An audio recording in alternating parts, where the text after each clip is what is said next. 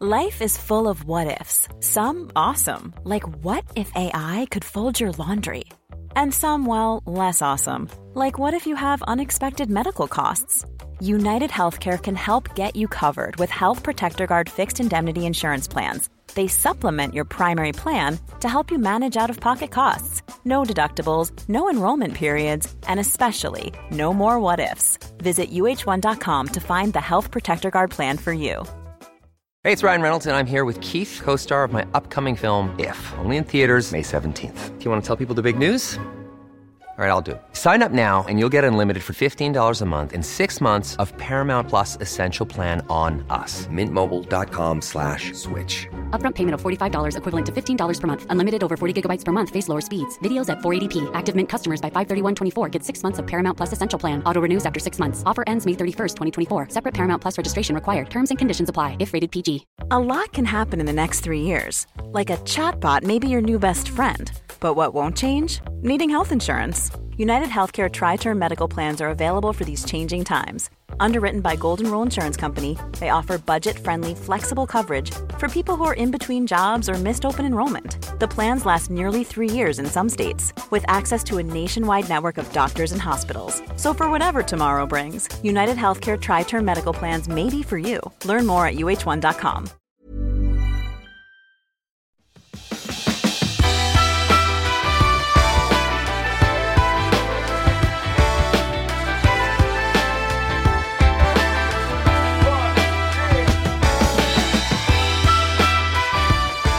Hej och varmt välkommen till Klimakteriepodden och avsnitt 221 med mig Åsa Melin. En liten stund till sitter jag här bakom mikrofonen. Sen är det dags för Kristina Sunderqvist att ta över för det här är ett efterfrågat ämne som ni är många som vill ha mer om. Du ska få veta hur det kan komma sig att vi kvinnor ofta upplever att vi har tappat förmågan att reglera sug och aptit eller känna vanlig mättnad. Och surprise, surprise, det handlar om hormoner. Vi ska välkomna tillbaka populära och uppskattade Eva Mörk. Och du kanske har hört Eva i avsnitt 213 när Kristina och Eva talade om blodsocker, insulin och dess påverkan på bland annat vikt. Och det här avsnittet är helt fristående men det är verkligen ett tips att lyssna på 213 också för en bredare och djupare förståelse för det här komplexa ämnet. Vi är många kvinnor som fightas med det här med vikt, sug och matfixering tror jag inte att jag är helt ensam om att ha. Framförallt går det lite i vågor för mig. Men det är, det är inte lätt att vara kvinna i klimakteriet kan jag eh, faktiskt tillstå. Men hur som helst, det här är i alla fall ett jättespännande avsnitt så du är varmt välkommen att hänga med. Och nu kommer Kristina Sundekvist och Eva Mörk. Så välkommen att lyssna.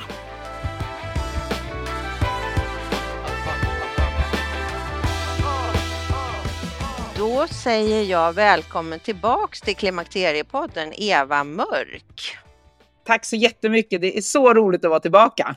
Ja, du och jag, vi gjorde ju ett avsnitt här tidigare i eh, år som handlade om blodsocker, insulin och vikt. Och det avsnittet var väldigt uppskattat. Vi fick eh, otroligt mycket positiv feedback efteråt så att jag är jätteglad att du är tillbaka här idag och vill dela med dig av ännu mer kunskap. Eh, jag tänkte så här att innan vi fördjupar oss i dagens ämne så ska du få berätta lite mer om dig själv för de som inte har träffat dig tidigare. Så berätta lite om dig, din bakgrund och eh, varför du kallar dig för en hälsoingenjör. Ja, ja, mitt namn är ju Eva Mörk och det är jag som är hälsoingenjören. Och det innebär att jag kombinerar min tekniska bakgrund som civilingenjör från KTH med en eh, gedigen utbildning inom näringslära, funktionsmedicin och jag är också certifierad beroendeterapeut inom mat och socker. Och anledningen till att jag blev en hälsoingenjör, det är främst två anledningar. Den ena är att jag under nästan hela mitt yrkesverksamma liv, eller vad man skulle kunna säga mitt gamla liv, jobbat då som, som vd och företagsledare och entreprenör i it-branschen. Och där, eh, det är ju väldigt personalintensivt att, att jobba inom konsultbranschen och då får man ju mycket funderingar kring hur får man människor att, att topprestera utan att de blir utslitna. Och eh, min absoluta övertygelse där är ju att de människor och även de företag som inte har en strategi för hur man ska hantera dagens moderna livsstil, om man inte förstår vad det är som är så farligt med den och vad man blir sjuk av, då är det väldigt lätt att riskera att bli en siffra i statistiken på någon av våra moderna livsstilssjukdomar. Och min andra anledning är ju att jag själv haft en ganska lång och krokig hälsoresa och under många år trodde jag ju att hälsa handlade om att äta mindre, springa mer, följa någon diet, räkna kalorier, äta fettsnålt. Och jag fick liksom inte de resultaten jag, jag ville genom eh, att följa det. Och det var först när jag började förstå hur de här hormonella systemen för hunger, mättnad, fettinlagring, fettförbränning fungerade som jag fick ett helt annat resultat. Och nu sedan fyra år tillbaka så, så har jag ju lämnat mitt jobb inom IT-branschen och nu jobbar jag heltid som författare, föreläsare och fullkomligt då brinner för att föra ut den här kunskapen om metabol hälsa. Toppen Eva, då tycker jag vi har en bra bild av dig. um, idag ska vi prata om någonting som jag tycker är superintressant. Vi ska prata om eh, aptitreglering. Och eh, aptitreglering kan man ju förklara som olika processer som styr våran hunger och mättnad. Eh, och vi kommer ju prata idag om dels hur det här fungerar när allting helt enkelt fungerar som det ska. Men sen ska, kommer vi också komma in på hur det kan bli om det inte fungerar, för då blir det ju en hel del konsekvenser av det här. Och vi kommer även komma in lite grann på fasta på slutet. Mm.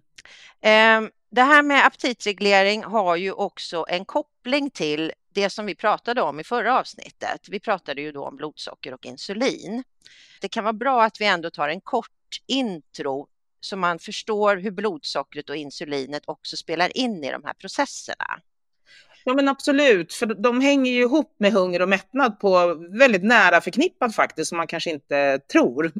Men just de här hormonella systemen, hunger, mättnad, fettinlagring, fettförbränning, de, de är nära förknippade med varandra. Men då börjar vi så här Eva, att eh, om du ger en kort intro hur blodsockret och insulinet hänger ihop så fördjupar vi oss sen i ämnet aptitreglering. Absolut, och det hänger ju ihop också med det som jag jobbar med och brinner för, det här med metabol hälsa och att vi måste återta och bibehålla vår metabola hälsa. Och i grund och botten skulle man kunna säga så här att, att våra kroppar, vi består ju av biljontals celler som varje sekund livet ut behöver energi. Varenda liksom cell behöver energi varje sekund livet ut och på läkarspråk så kallas ju det för kroppens metabolism. Och metabolism är alltså ett annat ord för ämnesomsättning, det vill säga helt naturligt hur omsätter våra kroppar eh, ämnena vi får i oss så att den kan producera energi till våra celler. Och det är när vi förstör den förmågan som eh, som många av våra eh, moderna livsstilssjukdomar drabbar oss som fetma, typ 2-diabetes, eh, cancer, hjärt och kärlsjukdomar. Och det är ju egentligen ganska naturligt för att själva liksom den här förmågan att kunna producera energi, oavsett om man är en encellig organism eller om man är en människa eller en elefant eller en hund som ska energiförsörja alla de här cellerna, den är ju väldigt, väldigt eh, avgörande, det vill säga det är egentligen det, är det som är livet. Och då, då, då, kan man säga att förmågan då att, att ta hand om den här eh, energin som vi äter i form av fetter, proteiner, eh, kolhydrater, mineraler, vitaminer och omsätta det till energi för att våra celler ska kunna jobba. Det styrs väldigt mycket utav horm hormoner faktiskt. Och ett av de här hormonerna det är insulin. Insulinets viktigaste uppgift är egentligen att se till att, att glukosen som vi äter, alltså sockret vi äter, att det kommer in i cellerna och kan användas som energi, alltså att det inte ligger kvar i, i blodomloppet. För om det gör det så är det väldigt, väldigt farligt för knoppen, alltså om det gör det under lång tid. Då, då är det inflammationsdrivande och det skapar eh, små, små inflammationer i hjärt och kärlväggarna. Så kroppen gör alltså allt för att så fort som möjligt ska få in glukosen in i cellerna. Det är där de gör nytta, det är där de ska användas som energi. Och till det behöver man insulin. Och om man då eh, har för höga värden av det här insulinet, det vill säga man har blivit någonting som kallas för insulinresistent, det vill säga man har gått med höga värden av med insulin under lång tid och cellerna har blivit mindre känsliga för insulinet också. Då är det en, en, en stark signal alltså att kroppen ska lagra fett istället för att bränna fett. Och då funkar inte fettförbränningen som det ska, det vill säga man, man man blir överviktig och en del människor blir det på rumpan och låret och det kan vara nog så irriterande, men många människor blir det runt de inre organen och eh, det är där det börjar bli riktigt farligt. För ju mer fett man har runt de inre organen, desto mer insulin behöver man och eh, desto sämre fungerar alltså ens eh, energiförsörjning till kroppen. Bra. Då har vi fått en bra intro på blodsocker, insulin och så var du även inne på insulinresistens. Men hur kopplar man då ihop det här med aptitregleringen och hunger och mättnad? Om vi börjar med att titta på en kropp då som, där, om vi säger en kropp där allting fungerar som det ska. Hur ser hela den här processen ut för hunger och mättnad då? Ja, i en frisk kropp så, så, så fungerar det ju helt naturligt, man tänker inte speciellt mycket på det, för att Eftersom våra celler behöver den här energin varje sekund livet ut, så behöver ju alltså kroppen hela tiden säkerställa att den har energi. Och den får ju bara energi genom, på två sätt. Antingen genom maten man äter, eller genom det lagrade energin som man har lagrat i kroppen. Det vill säga, det, det, det, det finns inga andra system. Och, och, och då kan man säga så att antingen så äter man och när man äter så använder kroppen den energin och överskottet lagras som, som fett eller då som glykogen. Eh, det är ju kolhydrater kan man säga som, som lagras, men det kan man inte lagra lika mycket. Eh, eller så äter man inte. Och när man inte äter, då använder man det som är lagrat så att säga, antingen som glykogen eller, eller fettet. Så att det är liksom inga konstigheter det där. Och en, och en normal cykel så finns det alltså ett hormon som heter grelin och grelin är kroppens hungerhormon och det är ett väldigt viktigt hormon för att, att, att, för att vi ska överleva så behöver vi ha en extremt stark instinkt att vi måste äta. Vi måste ju hela tiden säkerställa att kroppens celler får energi. Så grelinet stiger när, när, vi blir, eh, när, när det är dags att äta. Och det är faktiskt signalen att när blodsockret och insulinet sjunker, då är det ju en signal att nu börjar energin ta slut. Nu går vi på, på fettreserven och nu kan det vara dags att börja leta mat.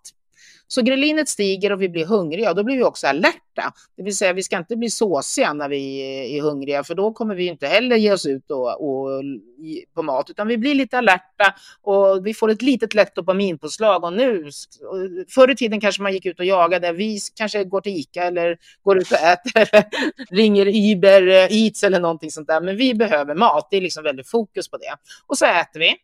Och eh, i takt med att vi äter så blir vi ju eh, mättare och mättare. Och då är det alltså ett mättnadshormon som heter leptin som, som stiger. För det är inte meningen att vi ska äta så vi sprängs, utan när kroppen liksom börjar bli nöjd, då stiger leptinet och då blir det en signal till hjärnan att nu, nu är det nog så att säga. Nu ska vi börja ta hand om all den här maten vi äter och då slutar vi äta.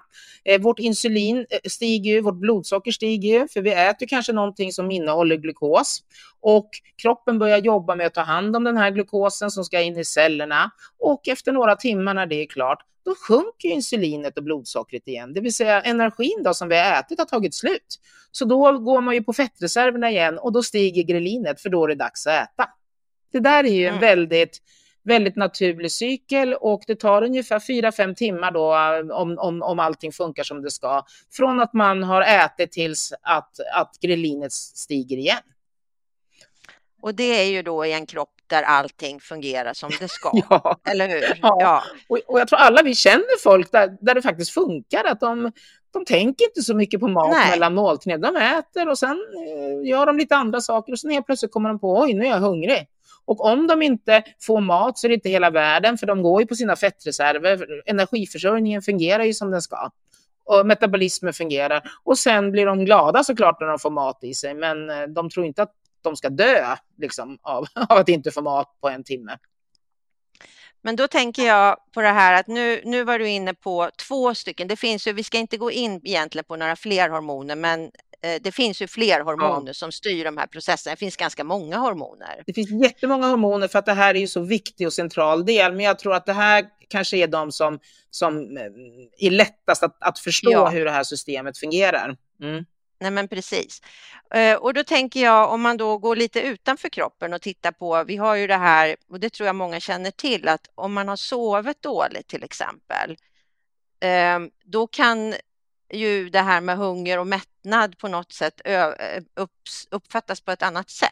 Väl. Vad är det med sömnen som kan, för då är, är, det också någonting med hormonerna eller då kommer vi lite grann in på det här med, med beteende också. Ja, och jag tror att, att sättet hur hela liksom, vi lever lite mer nu i västvärlden, att vi är uppe senare, vi utsätter oss för artificiellt ljus på kvällarna, vi tittar på Netflix, vi äter sent på kvällen. Det, det är inte liksom egentligen helt naturligt för hur vi kanske är, är det optimala när vi, när vi eh, levde på stenåldern, vilket gör att vi har stört vår sömn, vi sover mindre, vi har inte riktigt kanske samma sömnkvalitet heller och vi kanske är stressade och, och, och tänker på saker som gör att vi inte sover så bra bra.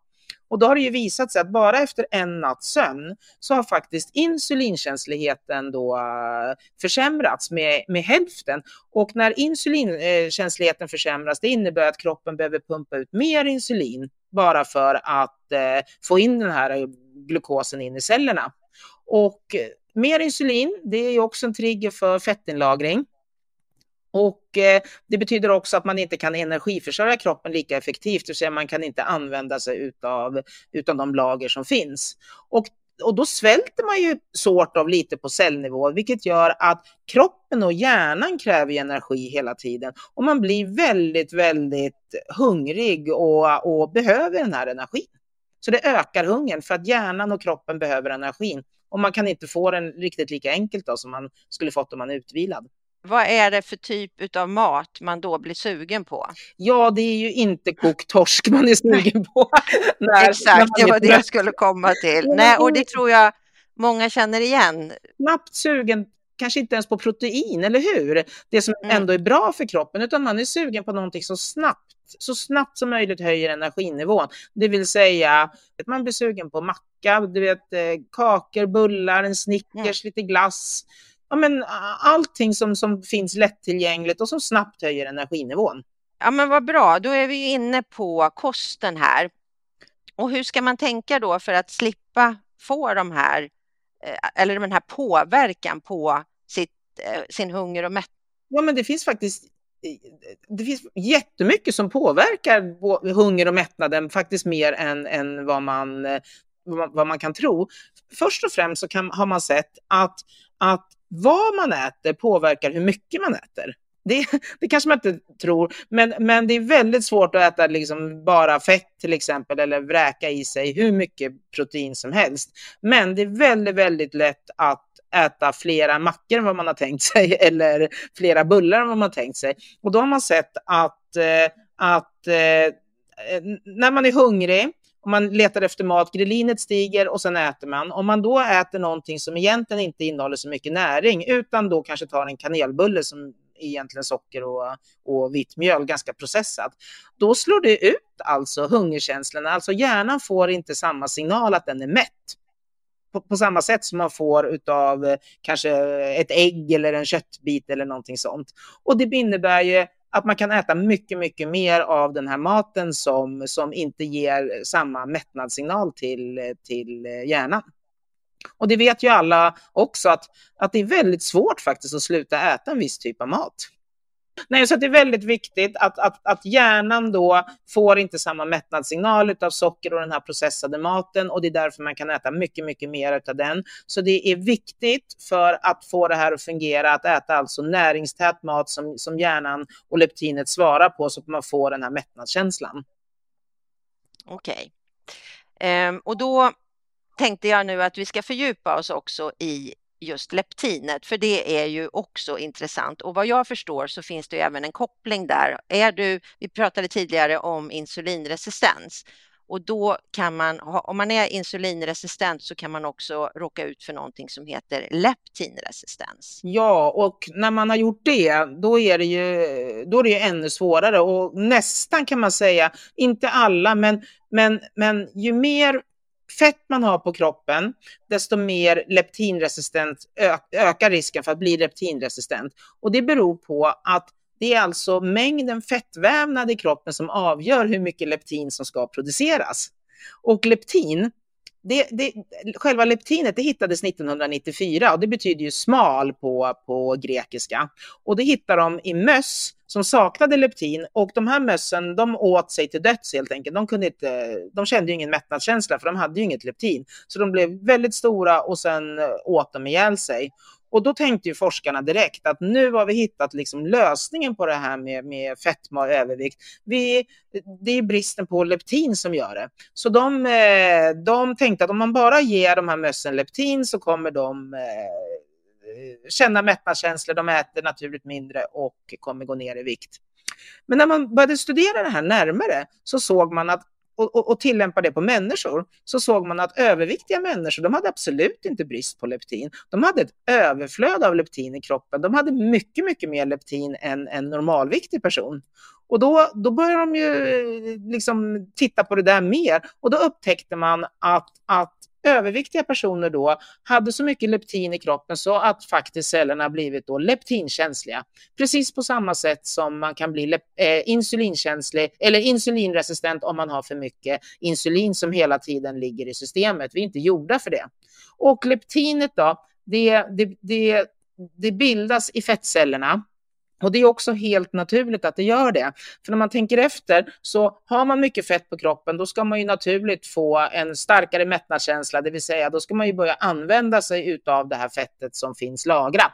Det ska ju inte bara ligga där, utan då ska man börja använda det. Och när fettet, när man har väldigt lite fett, då ska man ha mer hungerkänslor, för då vill man ju lagra, äta mer och, och lagra på sig mer. Så ju mer fett man har på kroppen, desto mer leptin producerar man och desto större risk är det då att kroppen inte svarar på det här eh, mättnadshormonet. Och ju mer fett man har på kroppen så är det också större risk att man också är då insulinresistent.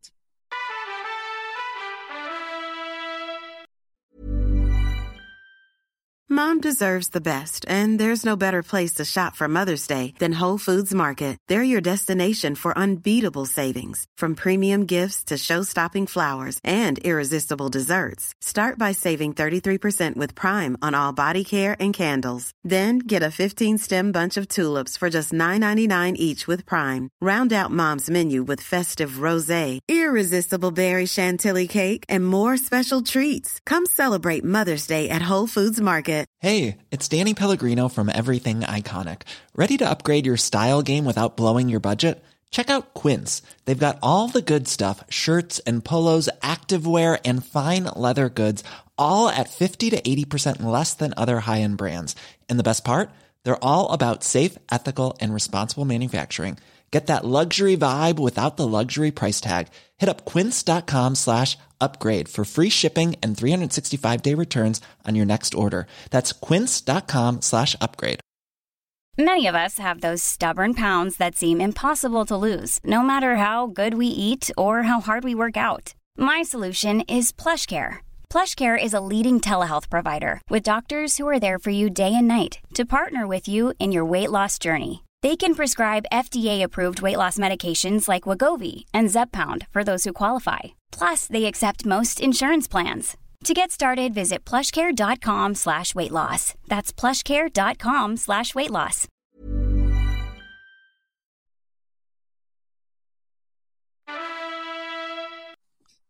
Ja, mycket fettceller då skulle ge mer leptin. Då kan man ju tycka i den bästa av världar att hade man då mycket fett på kroppen, mycket leptin, då skulle man alltid vara mätt. Ja, och sen är det precis tvärtom. Kommer man på något sätt över någon gräns som gör att man då kommer in i en resistens? Ja, när, kan man säga så? Ja, man kan säga så. Mm. För att våra, våra hormoner, de skjuts alltså ut Eh, man har aldrig en jämn nivå av hormoner hela tiden, utan hormoner skjuts ut liksom stötvis vid olika tidpunkter på dygnet. Vi är alltså inte gjorda för att ha en hög jämn nivå utav, utav, eh, utav ett hormon.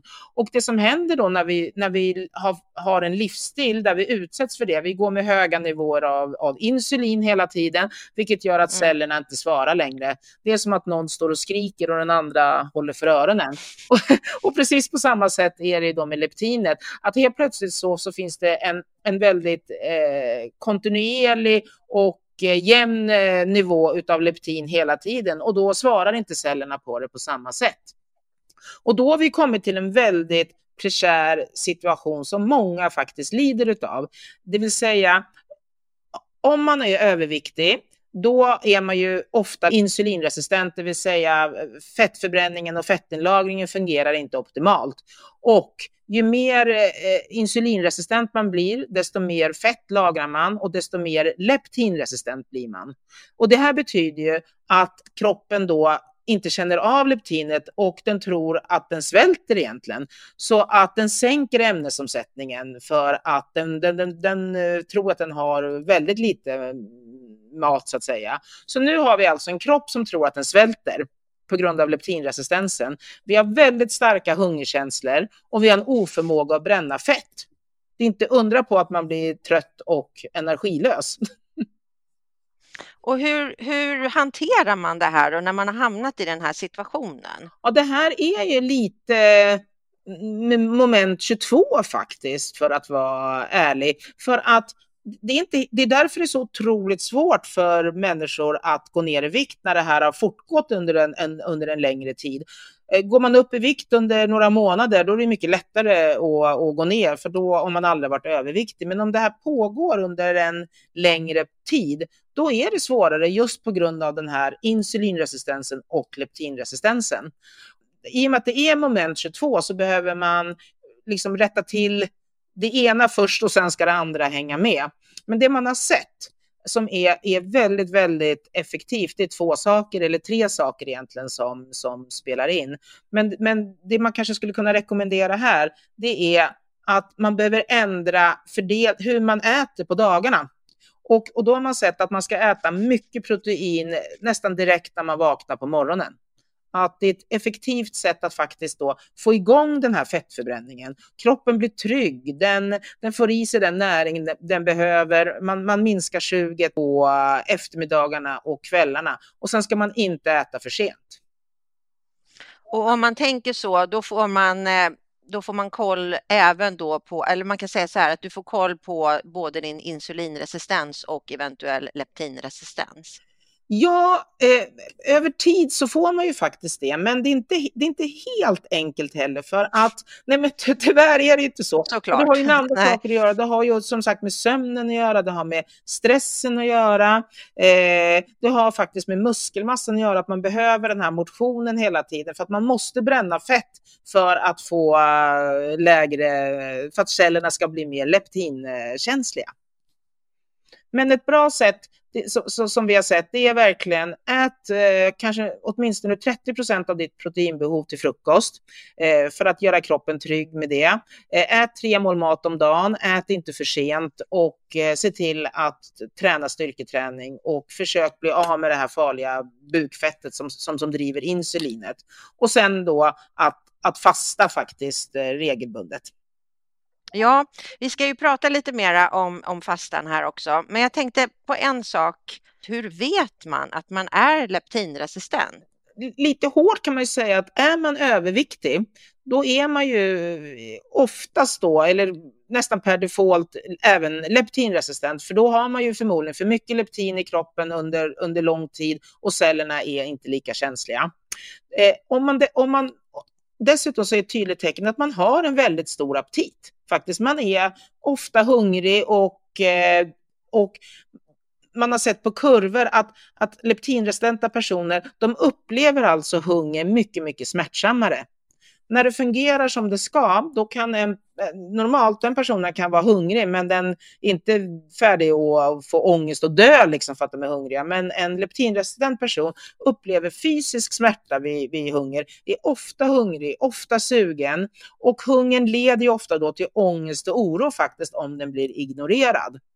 Och de här personerna blir också lite nervösa om de inte har mat nära till hands. Du vet, de kanske planerar hela sin dag efter. Finns det mat att äta? Ska man på utflykt? Vad ska vi äta? Eh, du vet, om vi gör det här nu, finns det någon mat i närheten och kan man få mellanmål? Hela dagen är väldigt inriktad på när kan jag få min mat?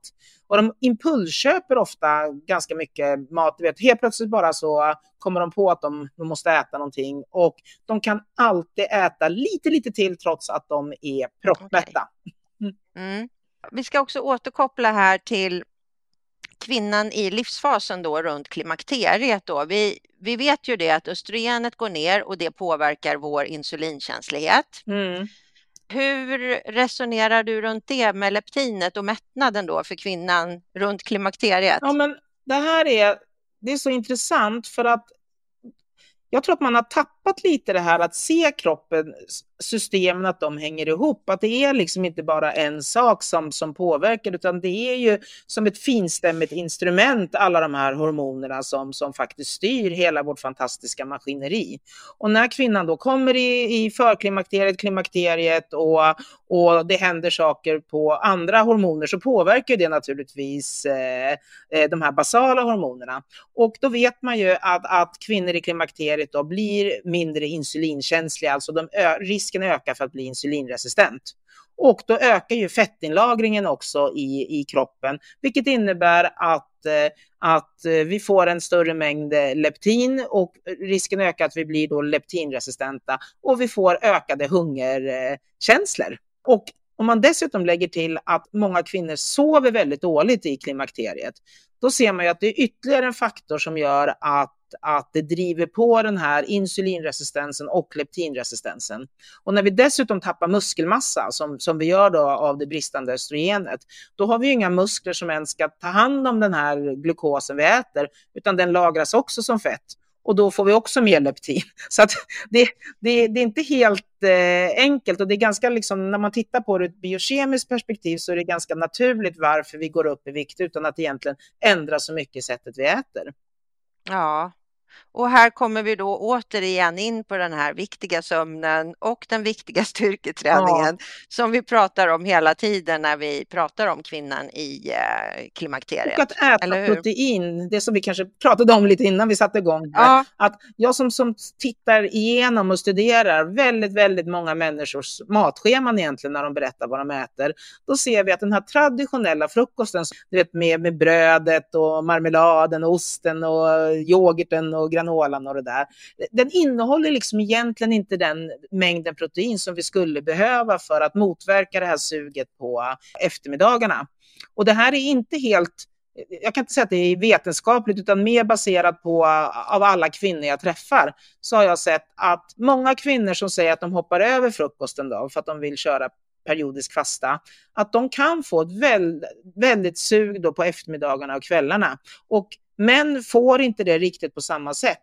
Och, och, och, då har jag sett att om man istället vänder lite på den här fastan, utan man äter mycket protein, alltså nästan hälften av sitt proteinbehov på morgonen och sen en rejäl lunch, då får man inte samma sug på eftermiddagen och kvällen. Det är alltså bättre att fasta liksom framåt kvällen än att hoppa över frukosten. Alltså fasta kan vi ju göra på olika sätt. Absolut, och beroende på hur man gör det så löser det liksom olika problem när man tänker efter ordet fasta, det, det, kan låta lite negativt för man kanske grips lite av panik och tänker gud ska jag inte få eh, äta. Men, men fasta är ju någonting egentligen som är helt naturligt för, för våra kroppar. Det vill säga ibland äter man, ibland äter man mycket, men ibland äter man lite. Och det kan man ju översätta till det här med metabol flexibilitet som jag pratar så mycket om. Att våra kroppar är ju gjorda för att kunna bränna både fett och eh, glukos. Men om vi alltid bara matar den med mycket mat och med mycket kolhydrater, då bränner den ju eh, väldigt mycket kolhydrater och den lär sig egentligen aldrig att bränna fett. Så eh, ett sätt liksom att att fasta, det är att tvinga kroppen att få den här hormonella signalen att den måste börja bränna fett. Det som vi pratade om i början, den här cykeln, att när man då inte ätit på ett tag, då, då sjunker blodsockret, insulinet sjunker för att tvinga kroppen att börja ta av sina lager, av sina fettlager. Och om man aldrig tvingar kroppen till det, utan ständigt äter, då börjar man ju aldrig liksom bränna egentligen det lagrade fettet många kan ju tycka att det låter lite läskigt just med fasta. Ja. Och säg att, att du då aldrig har prövat på det. Hur kan man fasta på ett lite enklare sätt? Men jag tycker att man ska börja med att tänka att fasta alltid 12 timmar, för det behöver våra kroppar. Alltså från att du lägger det till att du äter frukost. Det är, det är ett minimum, så äh, 12 timmar är, är, är väldigt bra och effektivt faktiskt. Att inte sitta och äta då vid 9-10 tiden på kvällen, de här mackorna. För det, det, det är mycket, mycket värre för kroppen än om du gör det på morgonen så att säga. Och då har du den fastan. Sen försöka äta då kanske två eller tre mål mat om dagen istället och äta eh, rejält när du äter och inte småäta. Det är den enklaste formen av en lite enklare fasta. Sen har de här um, dieterna, eller vad man ska kalla de här metoderna, 5, 2, 16, 8 blivit eh, jättepopulära. Och det förstår jag. Väldigt effektivt faktiskt att äta lite mindre vissa dagar och sen äta lite mer andra dagar. För då, kommer, då håller man uppe kroppens ämnesomsättning och man tvingar också kroppen där att sänka sina blodsocker och insulinnivåer för att börja ta av det lagrade fettet.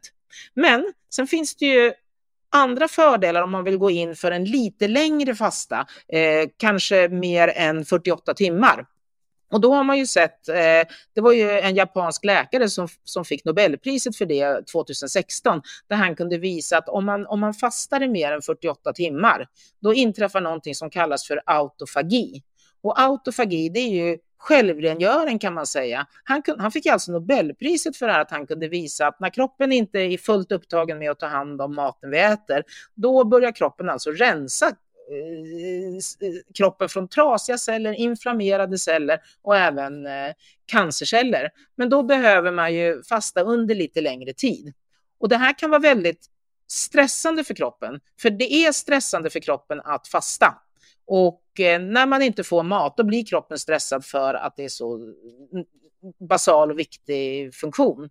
Och då tycker jag att man ska faktiskt man, man, kan simulera fasta, man behöver inte bara dricka vatten under fyra fem dagar, för det är stressande för kroppen, jättejobbigt. Många kvinnor mår fruktansvärt dåligt utav det. När du säger stressa, jag tänker på kvinnan då i klimakteriet som bara genom att vara i klimakteriet ja. är stressad. Hur ska man tänka om fastan för en sån kvinna?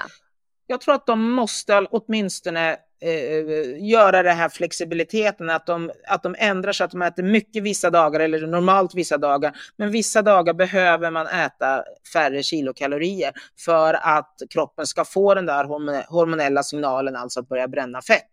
Och det kan man göra med 5, 2, 16, 8, men man kan också, och, och, och det är någon form av, i alla fall 5, 2, liksom en lite simulerad fasta.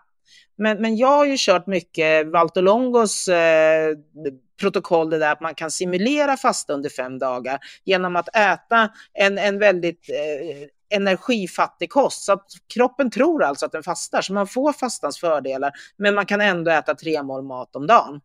Och då har man ju sett att efter tre dag två dagar ungefär så driver man in kroppen då i den här fettförbränningen, vare sig den vill eller inte. så, så måste den ju det så att säga, den får för lite näring. Och då, kommer man, då, då, får man kroppen att alltså börja ta av sina fettlager? Ja, för att om man bara mm. äter då 750 kilokalorier om dagen och en, en, en normal kropp behöver ju åtminstone runt 15-1700 och rör man sig behöver den ännu mer. Så någonstans måste den ju ta den här eh, energin ifrån och när man då inte har tillräckligt så måste ju kroppen sänka sitt blodsocker och insulin. För vissa kan det vara väldigt jobbigt första gången för att man inte är van då att börja bränna fett. Man hamnar i någon slags limboläge där, där man, eh, man äter inte tillräckligt mycket men man har fortfarande tillräckligt höga insulinnivåer för att inte kicka igång den här fettförbränningen. Men efter någon dag till så, så måste kroppen, den kan ju inte svälta ihjäl. Men finns det några grupper som inte ska fasta? Ja, jag tycker faktiskt om man, är, om man har någon form av kanske haft en, en problematik med ätstörningar och ett komplicerat förhållande till mat, då tycker jag att det är mycket bättre att, att liksom försöka få in det här frukost, lunch, middag, näringsriktig mat som gör bra för din hjärna och för din kropp och inte hålla på och laborera så mycket, utan verkligen att man ska vara trygg i det här att, att äta mat tre gånger om dagen. Jag tycker mm. inte heller att personer som lider av utmattningsdepression och utmattning och är stressade, de ska inte heller eh, fasta. utan de ska ju också istället se till att deras kroppar blir trygga. De ska få näringsriktig mat. Eh, om man medicinerar, kanske mot högt blodtryck och sådär, så är det också viktigt att man åtminstone gör det i samråd med sin läkare, för de här blodtrycksmedicinerna gör ju att blodsockret kanske, eller blodtrycket kan bli för lågt för att blodtrycket sjunker när man fastar. För jag tror att många som kanske har varit i kontakt med fastan hoppar över frukost. Och då tycker ja. jag att det där var väldigt intressant som du sa, att för att då att komma eh, åt det här med eventuell insulinresistens och leptinresistens och kanske dålig aptitreglering, att man då tänker på att man faktiskt äter frukost och vänder på fastan. Det är på dagarna vi behöver energin. Alltså, det är då vi behöver energin, inte lika mycket på kvällen, inte lika mycket på natten. Så att det är mycket, mycket mer, eh, för, för den metabola hälsan så är det mycket bättre för, för de som lider av det här att eh, äta frukost och lunch och sen en lite lättare middag. Eh, vi ska ta och runda av här och då tänkte jag be om dig om du har några mer sådana här bra tips som du vill dela med dig av som har just med det här med aptitregleringen att göra för kvinnan i klimakteriet oavsett om man känner av de här eh, obalanserna eller för att slippa få de här obalanserna. Hur ska man tänka? Men jag tror att mitt, mitt tips och det som jag har sett baserat liksom på, på de här åren, det är att jag tror att kvinnor måste börja tänka mycket mer näring och inte energi. Eh, man måste liksom fundera över vad är det min kropp och min hjärna verkligen behöver och sen äta mer utav det. Eh, det vill säga, vi behöver det här proteinet, vi behöver bra fetter och vi behöver ju liksom grönsaker och allt sånt där. Det är ju, och, frukt, det kan vi äta så att säga. Det är ju bra också. Men att, att verkligen inte äta sig mätt på de här tomma kalorierna eh, som, som kanske då lanseras som, eh, som nyttiga. Och, och det är lätt att man blir helt inslöad på dieter och man börjar räkna liksom exakta kalorimängden och hur många gram kolhydrater du ska äta och hit och dit. Men egentligen så handlar det om att, att börja äta så näringstät mat som möjligt och, och äta sig mätt på det. Men frukosten, proteinrik frukost, inga mellanmål, ät frukost, lunch, middag. Vill man ha lite mer kolhydrater har jag sett eh, att, att, att det är bättre att äta dem på kvällen, för kolhydrater lugnar ju också lite systemen. Och många kvinnor i klimakteriet är ju kanske stressade och har sovit dåligt och då kan det vara bra att äta lite mängd kolhydrater på kvällen, det vill säga man blir lugnare om man sover Men bättre. Men får man inte igång blodsockret då på kvällen? Så att det är igång på natten? Och nu pratar jag ju inte liksom stora mängder, men om, om man kanske äter väldigt strikt liksom ketogenkost eller, och tycker det är jobbigt och sen helt plötsligt börjar man äta helt fel saker, då har jag sett liksom att ungefär någon deciliter liksom, eh, kolhydrater på kvällen, alltså lite rotfrukter, kanske någon halv deciliter eh, råris, eh, li, några klyftor potatis, liksom bara, lite sånt gör att det lugnar systemen. Och att kvinnor behöver inte liksom nolla kolhydraterna jämt, det kan stressa kroppen det också. Och det är inte farligt att få en blodsockerhöjning. Det är, ju, det, det är farligt att gå med det under väldigt lång tid, att inte få, få, få ner det igen. Så att eh, jag tror att man, man ska inte demonisera egentligen blodsockret heller, utan det är helt naturligt att blodsockret fluktuerar lite och det är inte konstigt att få upp det lite grann när man har ätit. Så egentligen vad du säger det är att eh, sluta och fixera sig så mycket kanske vid olika dieter och räkna kalorier och mäta och kolla hur mycket fett och kolhydrater och protein utan försök få det här näring, protein, bra fetter. När, när vi kvinnor då som kommer in i klimakteriet, vi är trötta, vi är stressade, vi kanske är insulinresistenta då och, och har gått upp i vikt och då vill helt plötsligt alla att vi ska börja följa någon diet som är extremt näringsfattig eller äta liksom konstiga barer och, och sådär. Jag tycker man ska göra tvärtom. Man ska liksom börja ge sin kropp och sin hjärna precis det den vill ha, liksom näringstät mat så att vi läker och kroppen blir trygg så att vi orkar liksom, eh, göra de här andra förändringarna. Bra. Men eh, det tycker jag var jättebra tips, Eva. Tack! Så um, med de orden så tackar jag för din tid och tack så jättemycket för att du ville vara med i Klimakteriepodden ja, igen. Tack själv, det var verkligen roligt att, att vara här.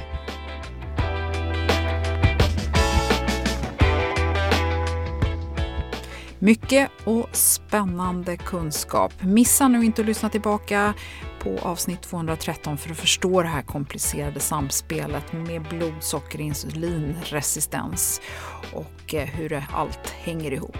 Jag fick själv också lyssna på det här faktiskt ett par gånger för att förstå och hänga med fullt ut.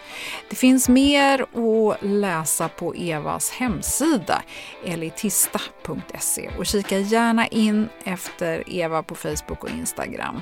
Om du är nyfiken på Walter Longos fasta så finns det också en länk på klimakteriepodden.se och eh, på Klimakteriepoddens Facebook-sida så hittar du också länkar till Evas Facebook och Instagram. Jag är själv en hängiven 14-10, det vill säga fastar 14 timmar och tycker det fungerar väldigt bra med tre måltider. Men det är också supertydligt när jag ätit för lite till lunch, eller kanske snarare för lite protein, att suget drar igång vid 3-4 tiden på eftermiddagen. Ja, med all respekt för att vi är olika och det är inte helt lätt att veta vad som fungerar fullt ut innan man provat och gett det en ordentlig chans. Jag hoppas att du gillade det här avsnittet och att du blir sugen på att lyssna snart igen. Och du får jättegärna rekommendera Klimakteriepodden för en väninna och så får du inte missa att följa Klimakteriepodden på Instagram och Facebook. Och behöver du lite mer inspiration för det här med matlagning så kolla in mitt konto Klimakteriekocken där jag ger enkla tips på mat som är näringstät och lättlagad. Och Kristina Sunderqvist kommer du också i kontakt med via Instagram och Facebook och eh, hon finns taggad på Klimakteriepoddens inlägg så kommer du till hennes konto. I nästa avsnitt så ska jag träffa en otroligt intressant person. Lena Källqvist. Hon är psykoterapeut och sjuksköterska med ett stort intresse för hur allt hänger ihop och vi ska tala om vårt psykiska mående i klimakteriet. Minns du det gripande avsnittet med Betty Vasenius? Det var 196 som hette Utan filter. Ja, det fanns mycket igenkänning som vi ska tala vidare om. Så varmt välkommen snart igen och tack för att du har lyssnat. Hej då!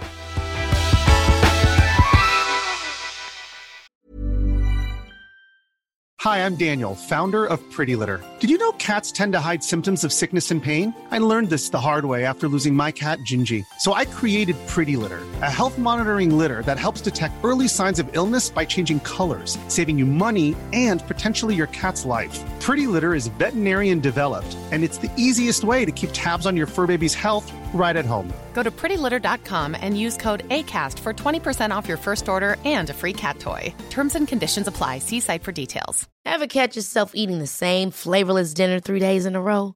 Dreaming of something better? Well, HelloFresh is your guilt free dream come true, baby. It's me, Gigi Palmer. Let's wake up those taste buds with hot, juicy pecan crusted chicken or garlic butter shrimp scampi. Mm. Hello Fresh. Stop dreaming of all the delicious possibilities and dig in at HelloFresh.com. Let's get this dinner party started. Imagine the softest sheets you've ever felt. Now imagine them getting even softer over time. That's what you'll feel with Bowl and Branch's organic cotton sheets. In a recent customer survey, 96% replied that Bowl and Branch sheets get softer with every wash. Start getting your best night's sleep in these sheets that get softer and softer for years to come. Try their sheets with a 30-night guarantee. Plus, get 15% off your first order at bowlandbranch.com. Code BUTTERY. Exclusions apply. See site for details.